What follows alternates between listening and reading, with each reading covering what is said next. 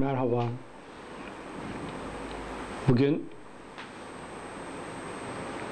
evrende ve insanda Allah'ın isimlerinin ve sıfatlarının özelliklerinin nasıl açığa çıktığı konusunun üzerinde duralım.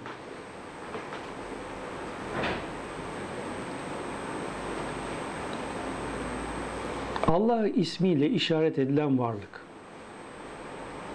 Onun çeşitli isimlerle anlatılan özellikleri. Bu öze isimler ayrı ayrı özelliklere işaret ediyor ama tek bir varlığın değişik özelliklerine işaret ediyor. Rahman ayrı, Rahim ayrı, Melik ayrı, Kuddüs ayrı bir yerde değil. Aynı tek yapıdaki değişik özellikler anlatılmak için bu isimler kullanılmış. Bu isimlerin ihtiva ettiği manalar kullanılmış. Ve bu manalarla da asla kayıtlayıp sınırlamamak gerekiyor. Yani ister evren planında bakalım veya evren içre evrenler planında bakalım. ister insan planında bakalım. Olay aynı. Bir varlık ve bu varlığın sayısız özellikleri. Bunların bir kısmı işte 99 isim diye toplu bir şekilde anlatılmaya çalışılmış insanlara. Bu isimlerle işaret edilen özellikler tamamen soyut, mücerret bir yapı. Herhangi bir şekli, cismi, yapısı vesairesi olmayan bir yapı. Bu yapı varlıkta önce bir ilim ve bir kudret, bir kuvve olarak açığa çıkıyor. İşte bu ilim ve kuvve bileşiği yapı veya bir başka ifadeyle ilim ve kuvve olan varlık arşın üstü, fevki diye tanımlanıyor. Rahman ve Rahim isimlerinin manası bu plana işaret ediyor. Rahman alel arş isteva. Arş üstünde Rahman açığa çıkar, yerleşiktir ifadesi bu kuvvenin henüz bir varlık, bir isime bürünmemiş olması halini anlatıyor. Bu varlık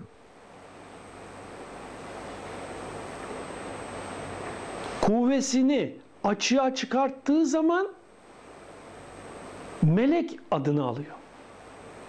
Buna melek denmesinin sebebi melk kelimesinden yani kuvve anlamından dolayı denmiş.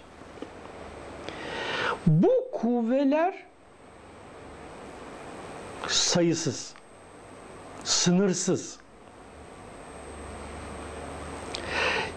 Kuvveler dememizin sebebi değişik değişik özellikleri açığa çıkarması itibariyle yoksa gene burada sayısallık söz konusu değil.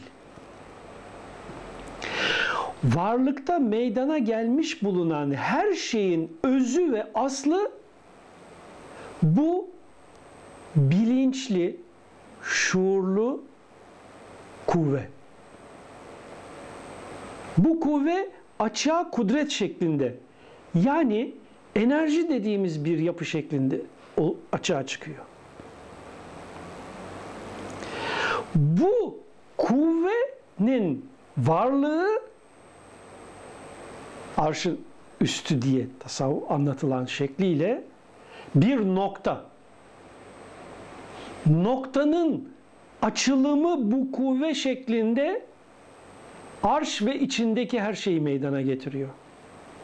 Daha doğrusu arş dışındaki her şeyi meydana getiriyor. Çünkü noktadan oluşan bir sonsuzluk söz konusu dışa doğru. Yani içten dışa doğru yayılan bir sonsuzluk söz konusu. Bu içten dışa yayılan sonsuzluk içinde evren içre evrenler meydana geliyor. Boyutlar meydana geliyor. Noktanın açılımıyla. Nasıl? B sırrıyla. Yani B harfinin işaret ettiği şekilde Allah ismiyle işaret edilen varlığın bütün özelliklerine sahip bir yapı açığa çıkıyor. Her an yenilenen bir şekilde her an yeni bir şey anda. Bu evrende, evren içre evrenlerde böyle olduğu gibi birimsel yapıda da aynı şekilde meydana geliyor. Arş hem evrensel anlam itibariyle söz konusu, arş birimsel anlam itibariyle söz konusu. Kişinin özünde arş var. Kişinin özünde kürsi var. Kişinin özünde yedi kat sema var. Ve kişide yedi kat arz var. Dolayısıyladır ki evrensel yapı itibariyle her zerrede her zerre şeklinde açığa çıkan ilim ve kudret insanda da aynı şekilde açığa çıkmakta. İnsanda da açığa çıkan bu kuvvet ve kudreti biz tersinden bakarak şu misalle belki anlayabiliriz. Şimdi bir arazi var.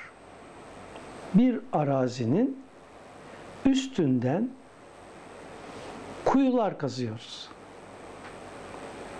Birimiz 5 metrede bir su buluyor. Bir su akıntı kanalına rastlıyor. Birimiz 15 metrede, birimiz 25 metrede. Değişik değişik lezzette, tatta, özellikle sular. Eğer de, çok daha derine gidersek bir yeraltı gölüne veya yeraltı denizine rastlıyoruz. Ve oradan çıkan sular arzda açığa çıkıyor.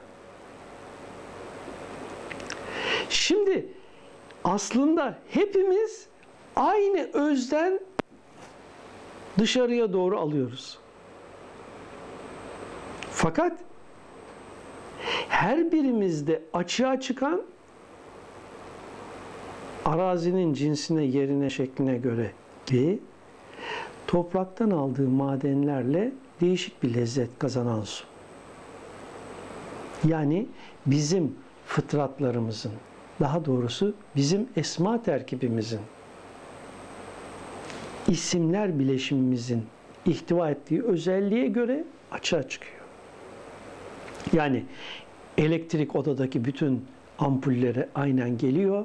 Fakat her bir ampul kendi rengine, flamanının kapasitesine, değerine göre farklı ve renkli ışıkları dışarıya yansıtmakta. Ama elektrik aynı. Hepimiz aynı zatın sıfatlarıyla hayattayız, varız ve onun çeşitli isimlerle işaret edilen özellikleriyle yaşamımıza devam ediyoruz. Dolayısıyla hepimizin derunu aynı hakikat. O derunundaki hakikat itibariyle birbirimizden hiçbir farkımız yok. Ama o hakikatin dışa vurumu noktasına gelene kadar ki değişik bileşimler ve özellikler her birimizde farklı bir kişiliği ve yapıyı meydana getiriyor.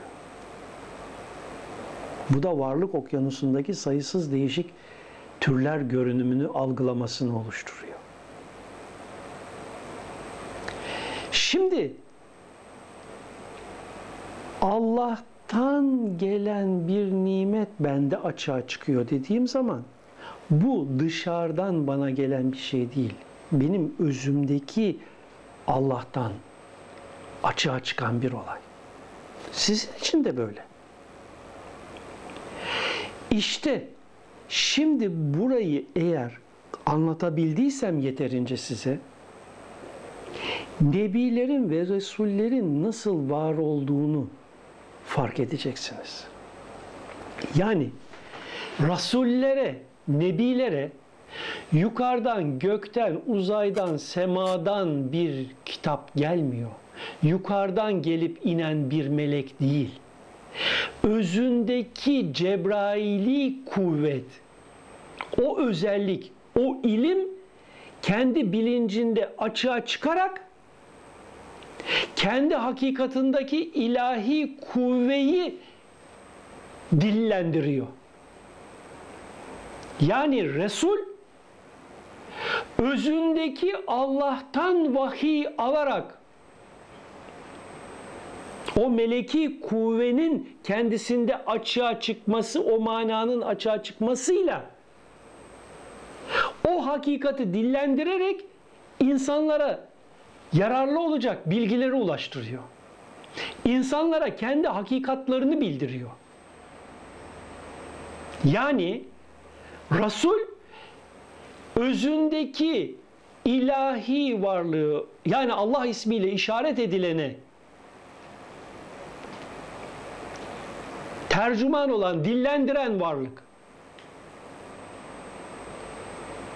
Bize de dolayısıyla ene beşerün misliküm diyerek ben de sizin bir misalinizim, mislinizim diyerek aynı hakikati ve özü kendimizde bulmamızı öğütlüyor, öneriyor, teklif ediyor.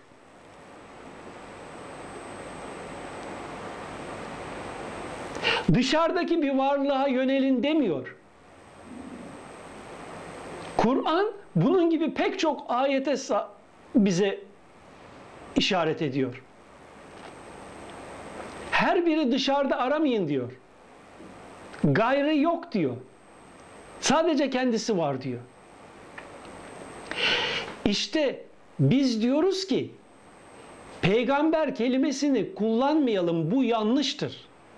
Peygamber kelimesi dışarıdaki, gökteki, ötedeki varsayılan bir tanrının yeryüzünden bir insanlar arasından seçtiği birine yukarıdan bir şeyler yollaması olayını anlatır, hatırlatır. Kur'an peygamber kelimesini kullanmamıştır. Kur'an Resul ve Nebi kelimelerini kullanır. Risalet ayrı bir işlevdir. Nübüvvet ayrı bir işlevdir. Peygamber dediğiniz zaman acaba hangi işlevden bahsediliyor onu bir kere örtersiniz. Anlayamazsınız. Dilin semantiği vardır. Her bir kelime yerli yerincedir. O kelimenin karşılığı olan manayı bir başka kelime kolay kolay veremez. Dolayısıyla hiçbir zaman nebi kelimesinin karşılığı değildir peygamber kelimesi. Resul kelimesinin karşılığı değildir. Çünkü Nebi ve Resul özündeki Allah'ın kuvvet, kudret ve ilminin açığa çıkışını anlatırken peygamber kelimesi dışarıdaki ötedeki bir tanrının seçtiği postacı veyahut da tercüman, elçi gibi bir anlamı verir. Dolayısıyla da konuyu tanrısallık noktasına kaydırır. İşte bu olayı fark edersek anlarız ki Allah Resulü'nün miracı da göğe yukarı değildir. Kendi özündeki Allah'adır. Rabbi nedir? Özündeki. Rabbi onu meydana getiren esma terkibinin ifade ettiği özelliklerdir, anlamdır. Yani özünde Allah'ı bulmaktır miraç. Aynı şekilde semavi kitaplar değil, semavi kitap. Semavi kitap nedir? Kişinin özünden, derunundan, rububiyet, uluhiyet mertebesinden gelip kendisinde açığa çıkan bilgi demektir.